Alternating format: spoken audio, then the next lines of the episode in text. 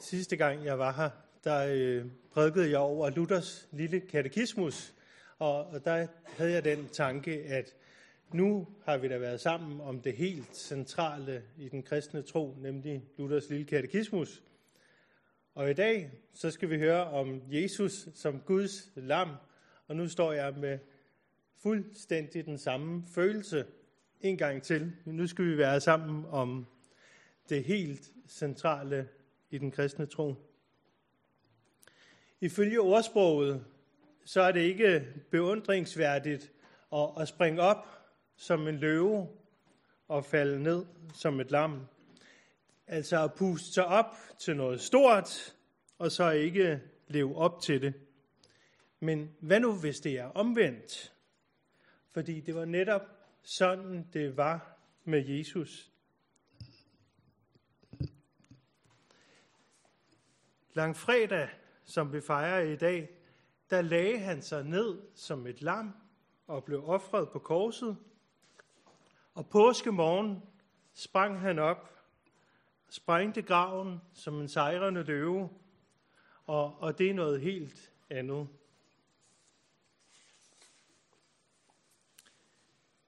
Mit første spørgsmål, det er, hvad forbinder du med et lam? Og når jeg selv tænker efter, og det er måske min københavner baggrund, der, der sådan springer frem, så, så, så når jeg tænker på lam, så tænker jeg på noget, der er hvidt, sødt og rent. For jeg har nemlig været i supermarkedet og kigget på toiletruller og køkkenruller og den slags. Og, og der er ofte sådan et sødt lam på. Og, og, og så når man kommer i zoologisk have, så kan man også forestille sig sådan et lille klappelam, som man kan gå hen og, og, og klappe lidt på, og så, så er det rigtig sødt og nuttet. Og Bibelen bruger billedet af Jesus som et lam til at vise os, hvem han er. Men på en helt anden måde end mine første associationer. Jesus er nemlig ikke bare et lille klappelam. Og vi skal se på en del tekster fra Bibelen, og gennem det vil jeg prøve at tegne et billede af Jesus, og prøve at vise den helhed, der præger den hellige skrift. Vi tror nemlig, at skriften, også det gamle testamente, det vidner om Kristus, og det er det, vi skal se på i dag. Det, som vi skal se på, det begynder før verden blev grundlagt, og det slutter med, med lovsangen i himlen, som Johannes åbenbaring vidner om. Så, så den tidsperiode, vi skal være sammen om i den her bibeltime i den næste halve times tid, er, er sådan helt enorm. Det er faktisk altid. Og, og temaet, vi skal være sammen om, nemlig Jesus som Guds lam, er også helt vildt. Og den øh, første tekst, som vi skal se på, den står i 2. Mosebog, kapitel 12, fra vers 3 og frem efter. Og, og jeg har sprunget nogle af versene over. Øh, og, og der er jo nogle af jer, som jeg lige har været på, på juniorlejr med, enten som, øh, som børn eller som ledere. Så, så I, nu, nu er I faktisk forud på point, fordi I har hørt, hørt det her genfortalt, men nu får I den, den ægte Bibel. Øh, så, så voksenbiblen er det hele, så, så spænd sikkerhedshjelmen. Men den historiske situation, det er kort sagt, at israelitterne er slaver i Ægypten under den grusomme farao, og Moses har fremsat Guds befaling til farao om, at han skal lade folket gå. Og farao har oplevet de ni første plager sammen med Ægypterne, fordi han bliver ved med at stå Guds vilje imod. Og nu er vi kommet til den tiende og mest frygtelige plage, som både kommer til at få en betydning i Israels historie og i deres påskefejring, men, men også i, som et forbillede på Jesus. Plagen, hvor man enten er under blodet eller under døden. Og, og jeg vil læse en del vers fra 2. Mosebog, kapitel 12 og jeg starter ved vers 3. Gud taler til Moses. Sig til hele Israels menighed, den tiende dag i denne måned skal man tage et lam eller et kid til hver husstand i fædrenehuset. Det skal være et lydefrit dyr, et årgammelt handdyr. Så skal hele Israels menighed slagte det, lige inden mørket falder på. De skal tage noget af blodet og komme det på de to dørstolper og på overliggeren i de huse, hvor de spiser det. De skal spise kødet sammen nat. De skal spise det stegt med usyret brød og bitre urter til. Samme nat vil jeg gå gennem Ægypten, og jeg vil dræbe alle førstefødte i Ægypten, både af mennesker og af kvæg, og iværksætte mine straffedomme over alle Ægyptens guder. Jeg er Herren. Med blodet skal I have, men blodet skal I have som mærke på husene, hvor I er. Når jeg ser blodet, går jeg forbi jer. Ingen ødelæggende plage skal ramme jer, når jeg slår Ægypterne. Jeg stopper der. Det her er en uhyggelig historie. Dødsenglen går gennem Ægypten og, og vil dræbe alle førstefødte. Og det her er virkelig den tiende og største plage. Men israelitterne bliver skånet. Ikke fordi de er bedre end Ægypterne, eller fordi de er uden synd, men ved den nåde, som Gud giver dem. De skal tage et, et lydefrit lam, og, og det er værd at lægge mærke til. Det skulle ikke være sygt eller mindreværdigt.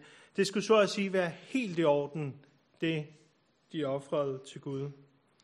Og, og så skal det være fuldvoksent.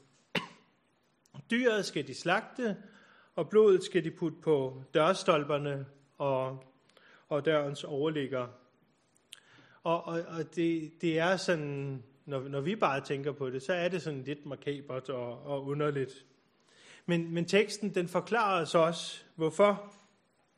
Fordi dødsenglen vil gå forbi huset, når den ser blodet. Blodet har altså en, en zonende virkning. Blodet det er som et, et skilt fra Gud, der er hængt på døren, hvor der står, gå ikke ind her. Et skilt om, at dødsenglen skal gå forbi. Fordi både israelitterne og Ægypterne har synd, men Gud giver israelitterne lammet og dets blod som et stedfortrædende offer. Og, og det er den samme virkelighed, som gælder for dig og mig. Vi skal også møde døden.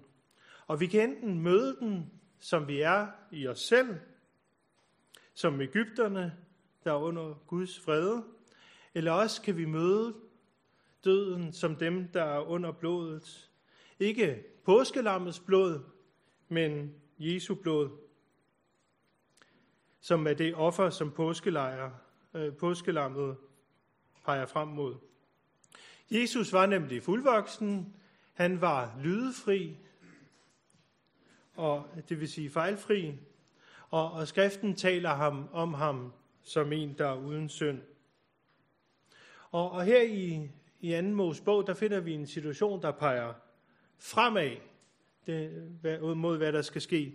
Og vi skal også fremad i historien. Når, når man bliver gift, det er der nogle af jer, der er, så, så, så starter det ofte med, at man, man har sådan en ring her. Øhm, og den, jeg har også en ring, det er jeg rigtig glad for. Og, og så er der jo nogen, der har en tradition med, at man får skrevet et bibelvers i ringen. Og, og det har Christina og jeg også fået. Og vi har faktisk fået skrevet et af vores yndlingssteder i, i Bibelen, som jeg altid går rundt med. Det, det er noget af det vigtigste i Bibelen, så det vil jeg gerne have med. Og der står Esajas, eller ES 53 i, i min ring, som, som netop profeterer om Jesus i det gamle testamente.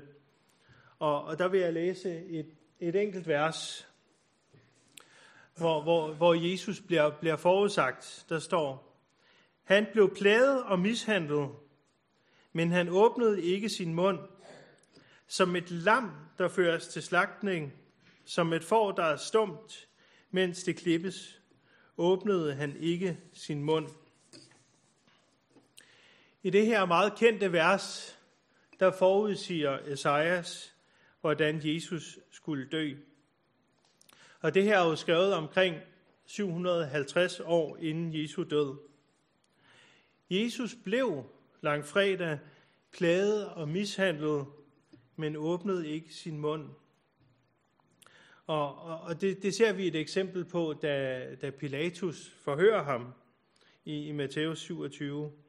Der står der, men han, altså Jesus, svarede ham ikke på et eneste spørgsmål, så stadholderen undrede sig meget.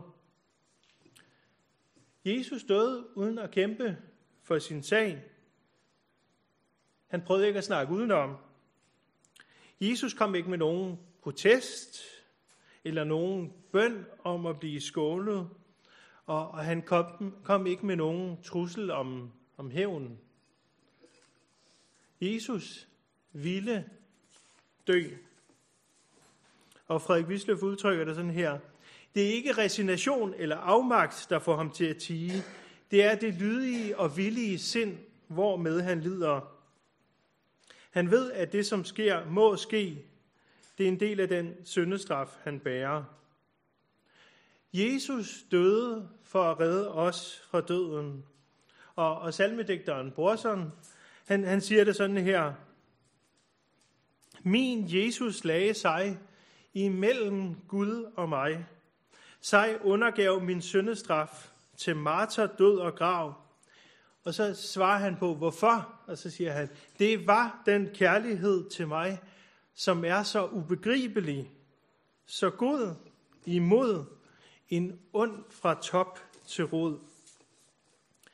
Jesus døde frivilligt for at frelse os fra vores sønder.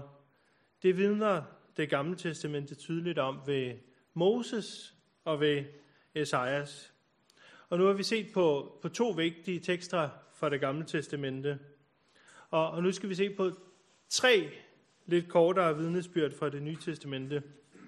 Og, og det er tre af de tunge drenge, vi skal lytte til. Den første er Johannes døberen, og, og om ham siger Jesus, blandt kvindefødte er der ikke fremstået nogen større end Johannes døber. Så Jesus siger, at han er den største, så der er i hvert fald noget, der er værd at lytte til.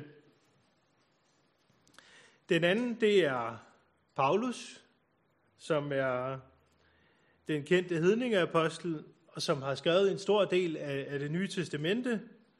Og den sidste, jeg vil trække frem, det er Peter, som var den ledende i apostelflokken, som, som jo fuldtes med Jesus. Så, så når det kommer til, til vidnesbyrdets vægt i den bibelske verden, så, så tror jeg ikke, der findes nogen tungere drenge end de her tre. Og lad os prøve at høre, hvad de siger om, om Jesus som Guds lam. Det første vers er fra begyndelsen af Johannes evangeliet, og der hører vi om Johannes døberen. Der står, Næste dag så han Jesus komme hen imod sig og sagde, Se, der er Guds lam, som bærer verdens synd. Og det står også bag ved mig, hvis I er i tvivl. 750 år tidligere har Esajas profeteret om Guds lam. Og, og nu siger Johannes døberen, det er nu, det sker. Det er nu, han er her. Se, det er ham, vi har ventet på. Han er her nu. Og det samme sker igen næste dag, hvor Johannes vidner, se, det er Guds lam. Og, og hans egne disciple, de hørte og begynder at følge Jesus.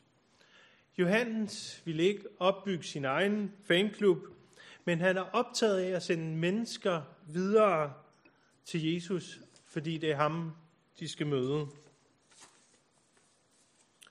For Jesus er det lam, som jødernes påskeoffer peger frem imod.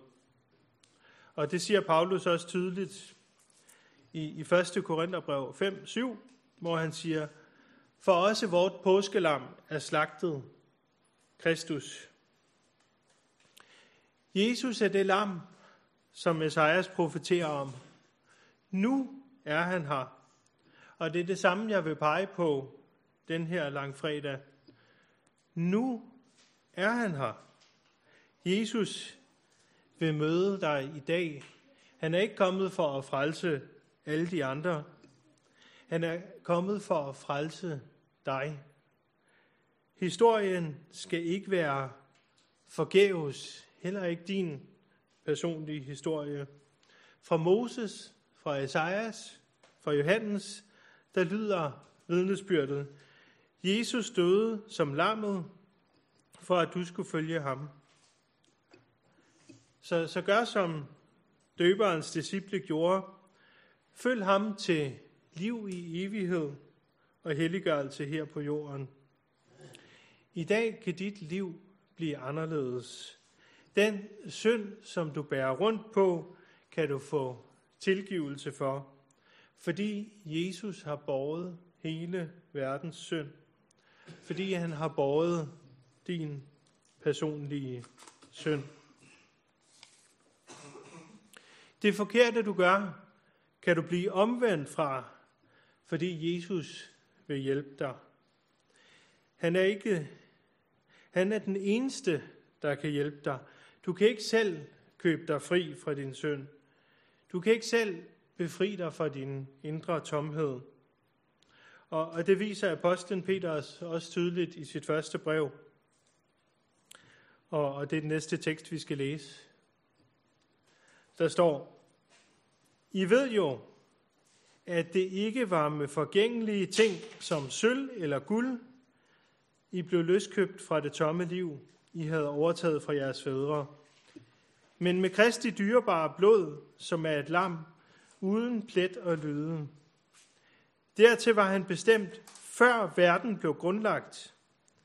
Men han blev først åbenbaret nu ved tidernes ende af hensyn til jer. Som takket være ham, tror på Gud, der oprejste ham fra de døde, og gav ham, den, gav ham herlighed, så at jeres tro også er håb til Gud. Guld og sølv, det er jo det, vi alle sammen gerne vil have, eller penge og ting.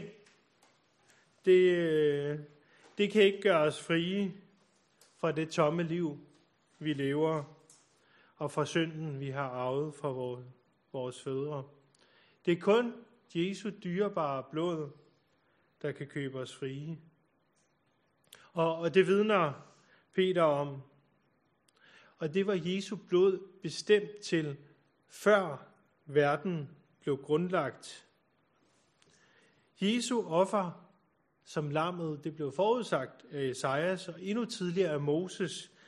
Men, men vi skal faktisk helt før vores verdens grundlæggelse for, for at finde ud af, hvor det blev bestemt henne. Jesu forsonergærning boede i Guds hjerte, før nogen af os blev skabt. Og, og, og tænk på det, og, og tænk på noget i Guds hjerte, fordi den er der, og den er helt grundlæggende. Og så siger Peter, han blev først åbenbaret nu ved tidernes ende af hensyn til jer. Nu er det åbenbaret, her ved tidernes ende vil Gud have, at du skal vide én ting. Jesus døde som Guds lam for at befri dig fra dine synder og den tomhed, du kæmper med. Og nu har vi taget forskellige spring i historien fra Moses til Esajas, til Johannes Døber, til Paulus og Peter. Og, og nu her til en lidt længere afrunding, så skal vi springe helt frem til historiens ende, til Johannes åbenbaring. Og der skal vi høre om, hvad der skal ske. Nu har vi så at sige været tilbageskuende. Vi har set på, hvad der er sket, og hvad der er profeteret tidligere, som så er blevet opfyldt i Jesus. Nu er vi dem, der hører profetierne om, hvad der skal ske i fremtiden, så nu skal vi kigge fremad til de ting, der ikke er opfyldt endnu. Og vi skal først høre et stykke fra Johannes åbenbaring 5, og derefter vil jeg slutte med et kort stykke fra Johannes åbenbaring 7. Og der står, Johannes han siger, Og jeg så, jeg hørte røsten af mange engle i kreds om tronen, og de levende væsener og de ældste. 10.000, 10.000 og tusind, tusinder i tallet. De sagde med høj røst. Lammet, det slagtede, er værdigt til at få magt og rigdom og visdom og styrke og ære og lov og pris. Og hver skabning i himlen og på jorden og under jorden og på havet, med alt hvad de rummer, hørte jeg sige, ham der sidder på tronen og lammet være pris og ære og lov og magt i evighedernes evigheder. Og de fire væsener sagde amen, og de ældste kastede sig ned og tilbad. I det her vers, der ser vi Johannes vision af den himmelske verden. Og, og jeg har ikke taget alt med, det han siger om lammet, fordi det vil simpelthen blive, det, det kunne man holde en helt anden bibeltime om. Men han siger noget væsentligt. Engle, væsner, de ældste i 10.000 vis synger med høj røst til lammet, og hele skabningen, altså hele skaberværket, tilbeder ham også. Og, og det er bemærkelsesværdigt. Det er det slagtede lam, som de priser. Jesus bliver ophøjet i hans ydmygelse. Og der, der er ligesom byttet rundt på, hvordan det plejer at være.